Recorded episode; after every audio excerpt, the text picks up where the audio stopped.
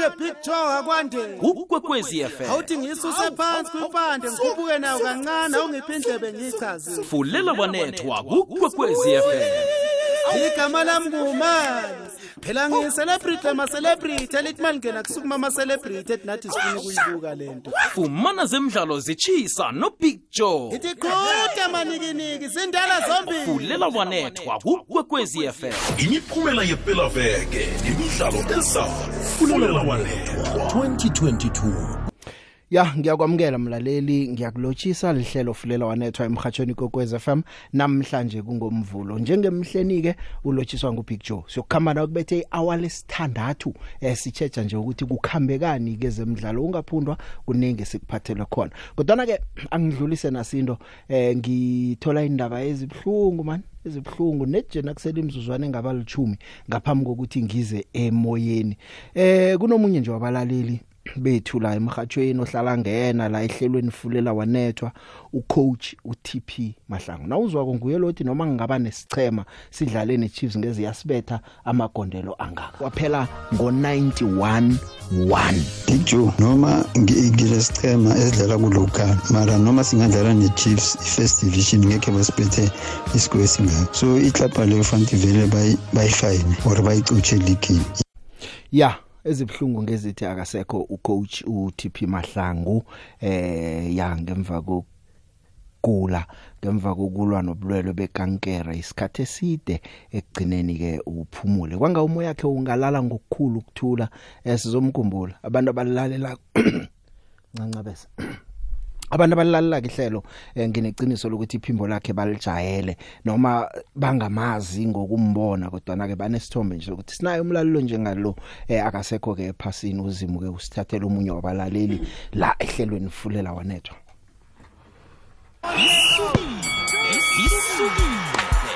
Ngubig joe. fulela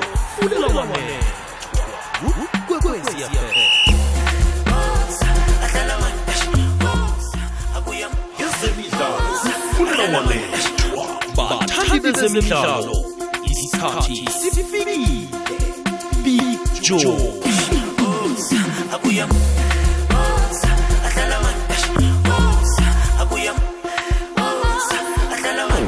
fulela wanethwa kukwekwezi fm Imzuzu ke nje ilichumi ngemva kwehour lesihlanu eh siyaraga ehlelweni. Ezinye ke nazo ezingasimnandi indaba ngeza ka inokumwepu ya kubhlungu bizelo lakhe liphela sesemncana na 24 years. Bathena bamhlola kwabodokotela kwathi ukuthi ke une heart condition. Nomraro wehliziyo okuyinto vele ayithethe emndenini hereditary heart condition into nje vele ekhamba kwefamily eh ya batsho ngokukhamba kwesikhathi eh kungahle buhagale bube worse eh bese uba sengozini yokuthi ingase ijame khona okho ihliziyo yakhe. Nakangaragela phambili nokudlala. Isicemeni ke sakhe eh bayatsho ke nje ukuthi man eh sizwa ubhlungu khulu ngaye eh lo mswamswa weBrighton eh bezwa ubhlungu khulu ke ngebujamo obumehleleko eh batsho bazokusekela bamsize naye nakukhonakalako eh alulame ngokuzeleko. Ngiyinokimwephu bekadlala eAlbion eh wadlala. Brighton and Hove Albion wadlala nabadlala neManchester United emidlalweni wokuvula ileague nabathumba kwayedlala. Eh abo dohotere besichema bayatsho ke ukuthi kubhlungu khulu. Wagula eh batsho achinga ekha eh nesichema seZambia kokwakho eh ayokuhlangana nesichema senaga ekhabo ngeinternational break eh baya lapha ke imali wangeniswa imali esibedlela eh lapha ahlala khona amalangano wabuya wezesichemeni seBrighton eh nakafika ngaphetshe abamhlolisisa ukuya phambili eh bathatha isiquno sokuthi ke mm eh ubujamo bakho buvele nje empilweni yakhe nakasolo akhula kuyinto ezomhagalela angeke sakhona ukuthi angaragela phambili nebhola eragwako zindaba ezibhlungu umswa la eZambia eh usesemncane bekathi uzenzela igama lapha ke ball neragwako ngaphetsheya kodwa na ke sithokoze impilo nje ukuthi nokho bakwazi ukulimuka bungakabamthathi eh impilo iza ngaphambi kwayo yonke into. Ah angiphume endabeni ezibhlungu ngicale indaba zemidlalo. Siyaraga ke sibuye phela afekeni into zibe ziningi zibe ziningi eh ngino Victor Hlungwane. Victor Hlungwane ngisofengwana osekabeke phasi eh kwezemidlalo kuzo kwezo kwezokubetha ifengwana. Kuba ngisofengwana emidlalweni ubeke phasi nje. Sinaye la ke SABC Mm sebenza lapha vane ngimbone TV lapho Victor eh sekunguye okhuluma inqundo zabo sofengwana ukuthi zikhambe njani. Victor kunjani? Siyaphila kunjani the big? Eh Victor ngikhona. Namhlanje ngikubawile ukuthi uze yazi ezinye izinto uthi umhathi nje eh ugcine sewuzikhuluma kanti zinabanikazi bazo azifuni wena. Yazenye nenye into imnandi nayikhulunywa mnikazayo. Singakayikude Victor. Ngithe nangicala imidlalo amalanga nadluleko la yazi ngicabanga ukuthi ngichema ze PSL nabazibandulako nje ema training kumele bathome ba practice ukudlala bayi10 badlale bayi9 tot ku 8 akuma red card ku 5 league nethu. Kuyini lokho kubangwa yini Victor nawucalile eh aba referee bami basebenza the big. Eh but someone who's good in biology is a biologist. Yeah. someone who's good in science is a scientist. Someone who's good in maths like Maruping is a mathematician. Someone who's good in refereeing is a referee. So eh ama referee basebenza man. I don't know someone who's good in english whether it's englishian i don't know. Or someone who's good eh, ikwekwezi ikwekwezinian mara abareferi bami the big hayi no bayasebenza. Khona manje hayi baphangele straight and uh, abayikhiphi abayikhiphi. So ama-teams uh, they must start uh, practicing to uh, play with 10 people uh, 10 players because uh, seba enforce umthetho. Kakhulu kakhulu the big mawubheka in FIFA tournaments. Before the start of the tournament there's what we call uh, pre-match meeting where the instructors will go and teach the players the technical stuff uh, the loss of the game in South Africa, I can tell you, I don't think it has been done by many teams. I know Pirates did it, I know Sundowns did it, uh, but this season, I am a team abawenzanga lento. Abakayenzi kusho ukuthi ngamanye amagama ama red cards angeke siwabonako yi lack nje of discipline abadlali eh, abana kuziphatha okuhle ngaphakathi kwetatawu kanti bangaziphathi kuhle njalo abosofengwana unyaka lo ngathi ba vigilant Ah, mawungabheka eh for example asithathe leya ka Pirates nesikhukhuni. Umunyana uthola yellow card. He's a young player. You can see lo muntu lo mina ngimboni lo uzohamba lo. Eh. Uthola second year mina ngaba ngimkhiphile ngaba ngicoach. Net naqeda ukuthola Ah, makathola le yellow card yokuqala. ubonakele ngathi bebafuna ukumkhipha ngoba ngibone ngathi kunabayema yemako wathi angakabi nokukhitshwa kwabanjani Uh-huh. So what does it tell about the bench? Asibheke ku Arthur Zwan. Arthur Zwan uthe lo eh Caleb atholi yellow card yokuqala. Eh. So uyazi ukuthi hey le eh, u Caleb phela inhliziyo unenhliziyo inyana. Amkhipha. Why? After akore le 3 goals. Wayabona ukuthi uzothola another red card. Mara abanye abakhipha kuye kuhlala la. Sibheke ku eh lo AmaZulu. Bathi Zulu.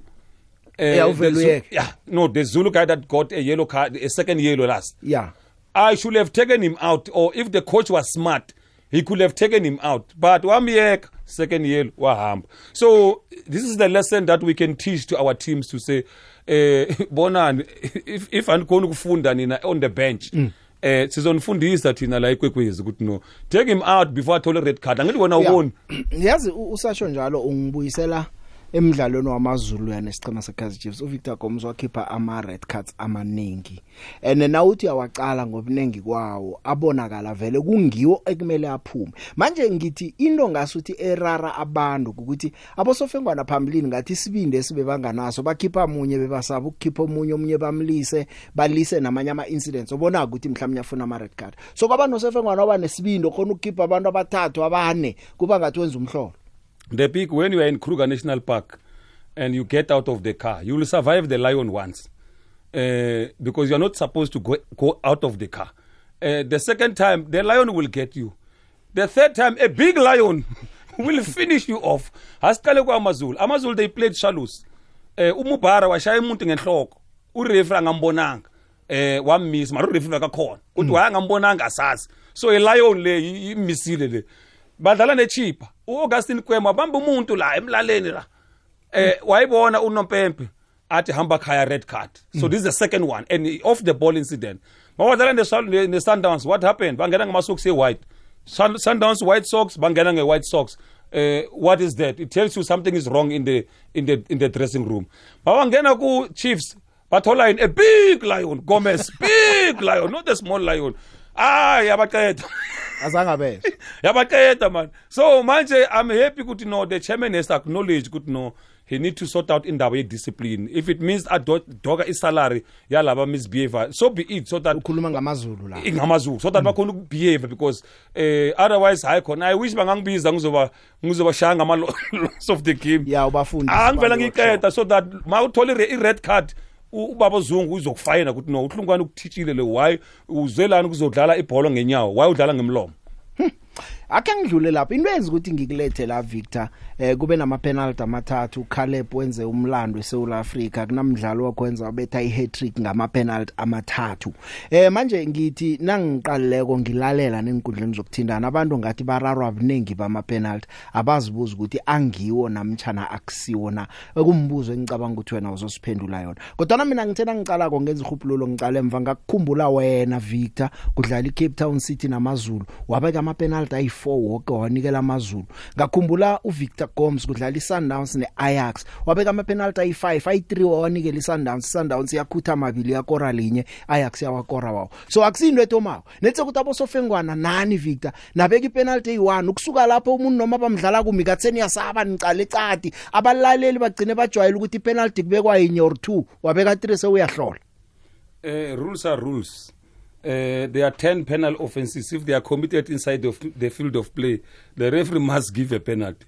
akuna ukuthi how many ayizange ibhalwe ukuthi how many bathi makuyi-penalty penalty so if you miss them bazokubiza le ku-review committee ukuthi no ah lena what happened and then if awuyibonanga they can issue you with a sanction eh bathi 3 months or 4 weeks hambe uyohlala khaya usicabanga but uh, coming back to the penalties i said uh, if if if if someone is good in refereeing he's a referee.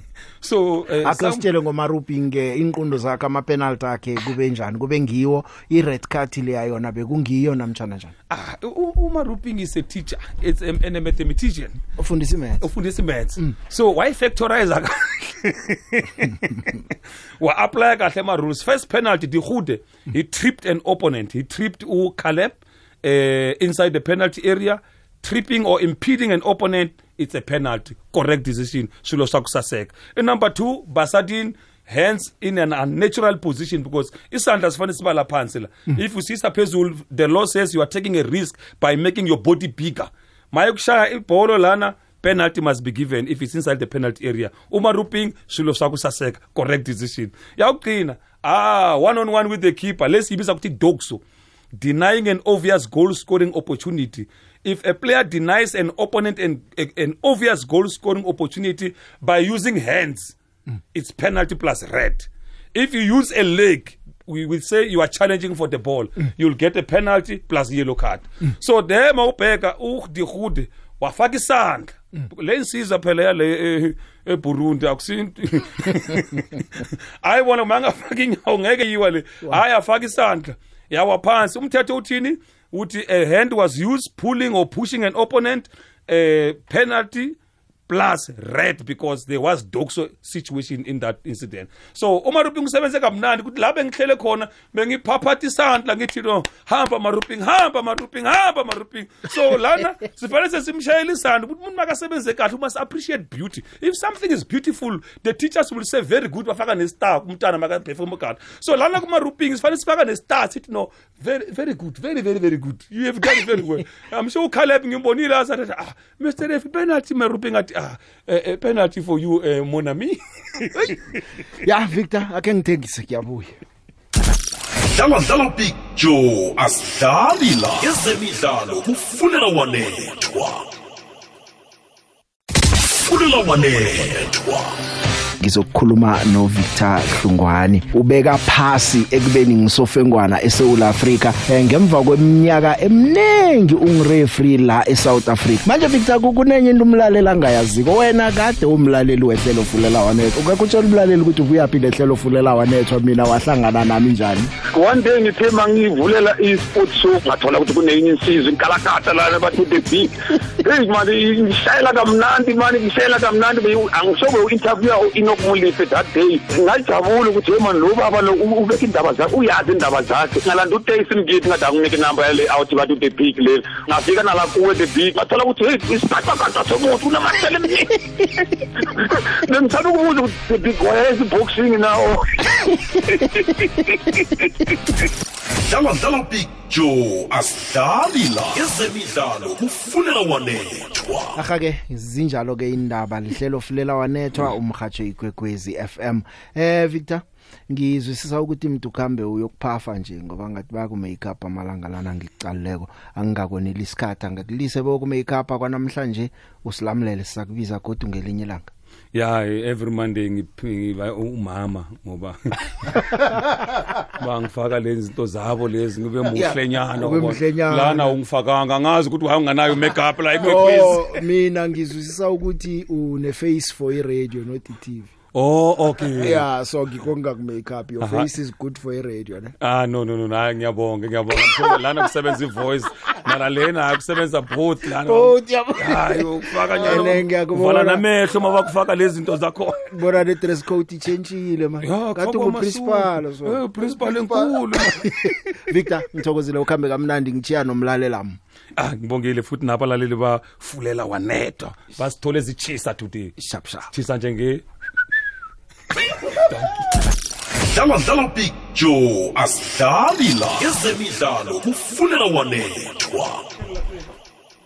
Mlaleli eh akhe ngikubuyisele emva ke ibanyana banyana idlalile. Eh kubhlungwana ke nokho ibanyana banyana ibechiwe angazi. Eh ibechiwe kodwa uDevrel uDezraelis uthi umkhanyo ukhona. Balobe ngo4-1 babetshwa iAustralia eh kulungiselelwa imidlalo yephaliswano lebigiri yephasi. Eh manje ke lonke uyaqala imidlalo emithathu abayidluleko Brazil babethe kabili Australia ibabethe kanye. Ba consider 13 goals bona babethe linye kuphela. Lokhu ke ngathi kusikhombisa igap phakathi kwenaga zeAfrika nalezi ezinama professional leagues wabendazana ngoba nangithi ngiyaqalana zibetshiwe nezinye zabo Morocco abo Nigeria imidlalo yokulungisela iphaliswano lebigiri yephasi eh babetshiwe kodwa uDezraelis uthi kukhona okuhla kubonako kuzathi kufika iphaliswano lebigiri yephasi mhlawumnye eh kunye kubili kuzabe kulungisiwe I thought that we start didn't start really well. Was a little bit of nervousness in the first goal, but I think it's a better performance in terms of being better on the ball, um, uh, both defensively and, and, and in holding the ball. But at times we played in patches.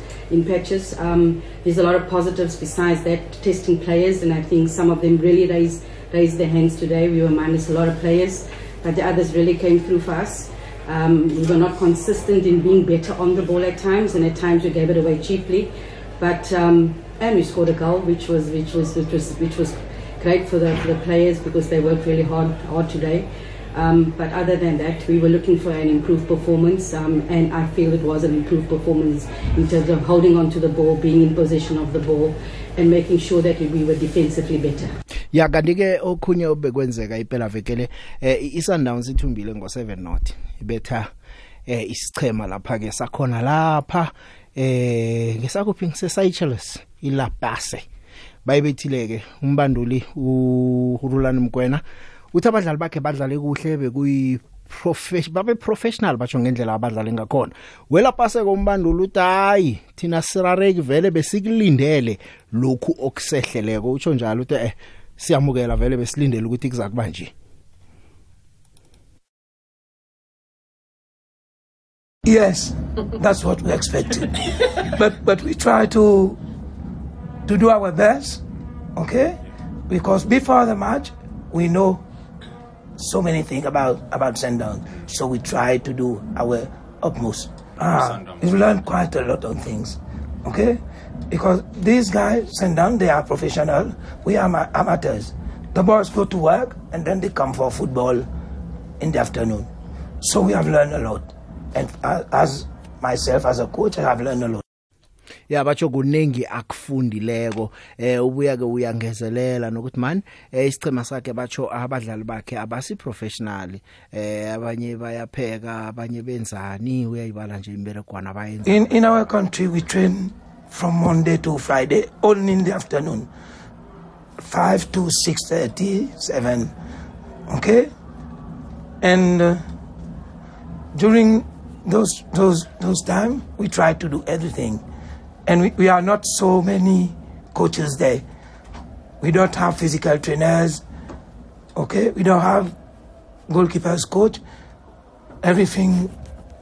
There, there are few of us, so we try to do everything by ourselves. There are different. They, they do different jobs. There, there are cooks, okay, carpenters, masons, fire, fire fighters, mm, a few, a few jobs, okay. As for me, a coach, I'm a physical education teacher from a secondary school, and and I have a license, CAF license A.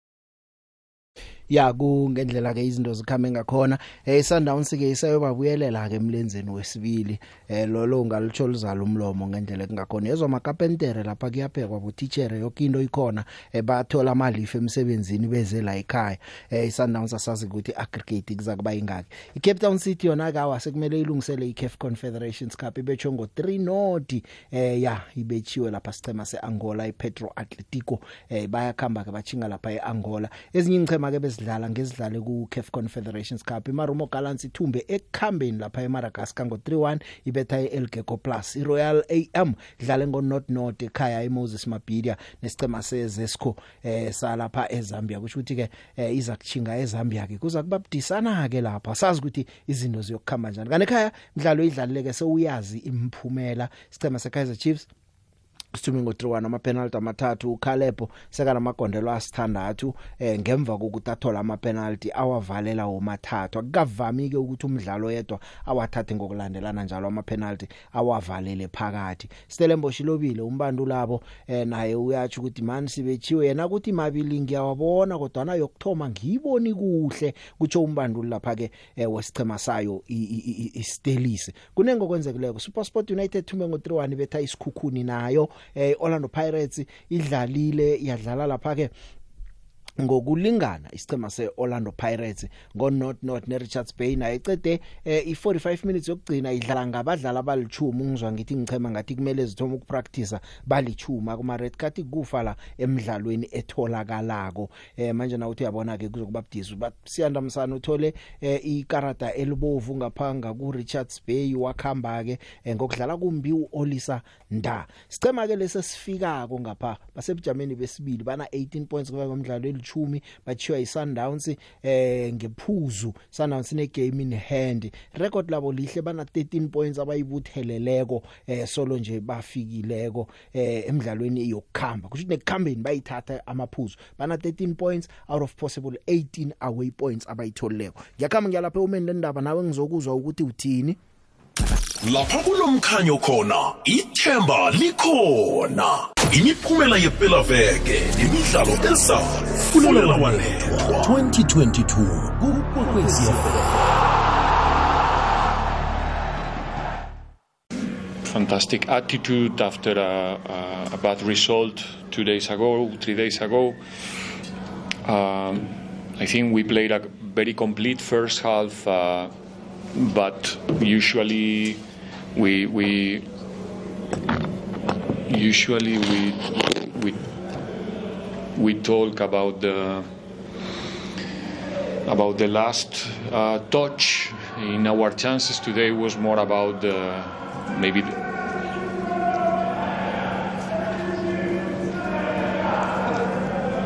about the second last uh, too precipitate in the in the last uh, third with uh, not not good decisions uh, in the last in the last 30 meters where we usually we are uh, uh, quite accurate not today. Uh, so even though we were I think very close to to to to find the goal in the first 30 minutes we should have been doing the things uh, much better in my opinion then uh, Yeah, tough, tough, tough match. Um, I think we were on the back foot from you know from the beginning. Um, incredible pace that Pirates started at. Um, we were having a lot of problems with the wide overloads, you know, especially on on Hotto's side, and um, we were too slow to shift across. It was, you know, it was something that that we were getting stuck with, and it's all started on the opposite side with with Sianda Msani, you know, um, not not maybe tracking quick enough when when the ball came out when the build up was on the right, but um, yeah, it was something that wasn't even relevant to correct at halftime because he got sent off, and um, we had to think of another strategy. And yeah, I think it's clear for everyone to see that uh, it was one of those games, possibly that we want to, you know, want to forget um, because of the slow start, because of you know how slow we we adjusted. We then put the foot on a ball a little bit. This is still in the first half, you know, and maybe for 10, 15 minutes created yeah, one or two half chances, nothing, you know, nothing concrete. And um, and then towards the end of the half, we started losing it a little bit. And then, of course, the red card changes everything. Don't get me wrong, we, we, we're proud of the boys. It was a massive, massive effort. Um, I think we're pleased with the, you know, pleased with the clean sheet. It's the seventh one of the season in the league. Um, and I remember um, Pums Msibi asking me in the in the pre-match uh, interview, um, what's what's the key to getting something out of the game today? And the key was our discipline without the ball today, because we knew we weren't going to have it for long periods of time. Uh, obviously, that was now exaggerated with you know with the send off. So the discipline, the structure was was really good. They, the Pirates had incredible chances in the first half. In the second half, one great header, an unbelievable save from Salim. The ball that went in was clearly offside, you know, rightly so flagged offside. And I don't remember too many other glaring opportunities that Pirates had in the first half. So that speaks, you know, volumes about the way that we organized ourselves without the ball. the big the big the big the big. Hlelo nelihle lezemidlalo. Ebukhosini siphakamisa isandla. Ungilotshisele nodumako lapho. The big wakhe wambona umsanyana omncane othutha ithunga. Bona ugijima kangangani nakathusa bekhethwa ukhelebha ugijima njengomsanyana othutha ithunga the big. Bethi magondelo omuhle loya the big. Ngiyacabanga bona woke olandela ikhe- ikhosi bona ujabulile the big. Kakhe ngatsho emvekeni ezidlulileko ngathi i-kaizer chiefs ifana nabantu abahlala e-ukraine hlalele evalweni. Wazi ubona uyokubethwa nini? Uyokuthuthunjiswa nini ngebhomu ngoba irussia ibahlezi maquphe nawo. Besinjalo-ke ebukhosini. Namhlanje singadawa siphumile nge-ukraine the big size nganeno. Eh the big ngikhulume nangondumiso mabhena lo. Ngicabanga ukuthi a- aba- abomakhelwane bethu bez- bezimnyama ngekani bamnoraha ukudlula thina. Awa ngicabanga ukuthi ucaleb the big usilethele umusa ngebukhosini. Ngiyathokoza the big jabulile amakhosi. Aha. Big Joe Big Joe kunjani lapha ha ngithi maliphasa nje lo myalezo kosiduma ngabanye olunguzeweni laba. Bakhala ukuthi hayi amapenalty amapenalty it doesn't matter ukuthi amapenalty or on goal or yini u3 points ungena engqoweni kuphela danku eh the big eh hlelweni ifulela wanethu eh ke ngiphawule ngabadlali bala South Africa aba abarithayako o thola ukuthi umdlala khona akasana contract ne club kunesehlakalo esenze over the week esenze- esenzeke over the weekend saka Roy Mohammed siphathisana inhloni sizwisana nobuhlungu eh ngendlela kwenzeka ngakhona the way bebamtreata ngakhona Roy Mohammed whatever la bekadlala khona. Ah sibabantu i think ukuthi kufuneka sifunde ukuthi ukuwa komuntu singakwenzi kube inhlekisa. The guy was a professional player i-career yakhe iphelile because of age maybe. So asikho isidingo sokuthi singaze senze inhlekisa ngayo.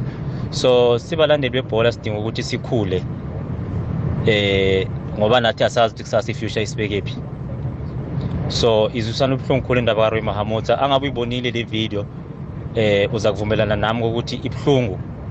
So and nabo abadlali bala South Africa badinga ukuthi bafunde ukuthi as long as banama-contract nama-team ke bazama ukusave ba-investe futhi. Ngiyathokoza liphiki ya yazi ngiyibonile i-video akhuluma ngayo umlaleli.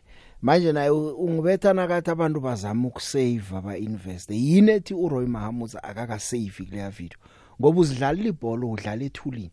Na udlala ethulini khani ukuthi ukuthi ivana ungakasave ivana unganamali.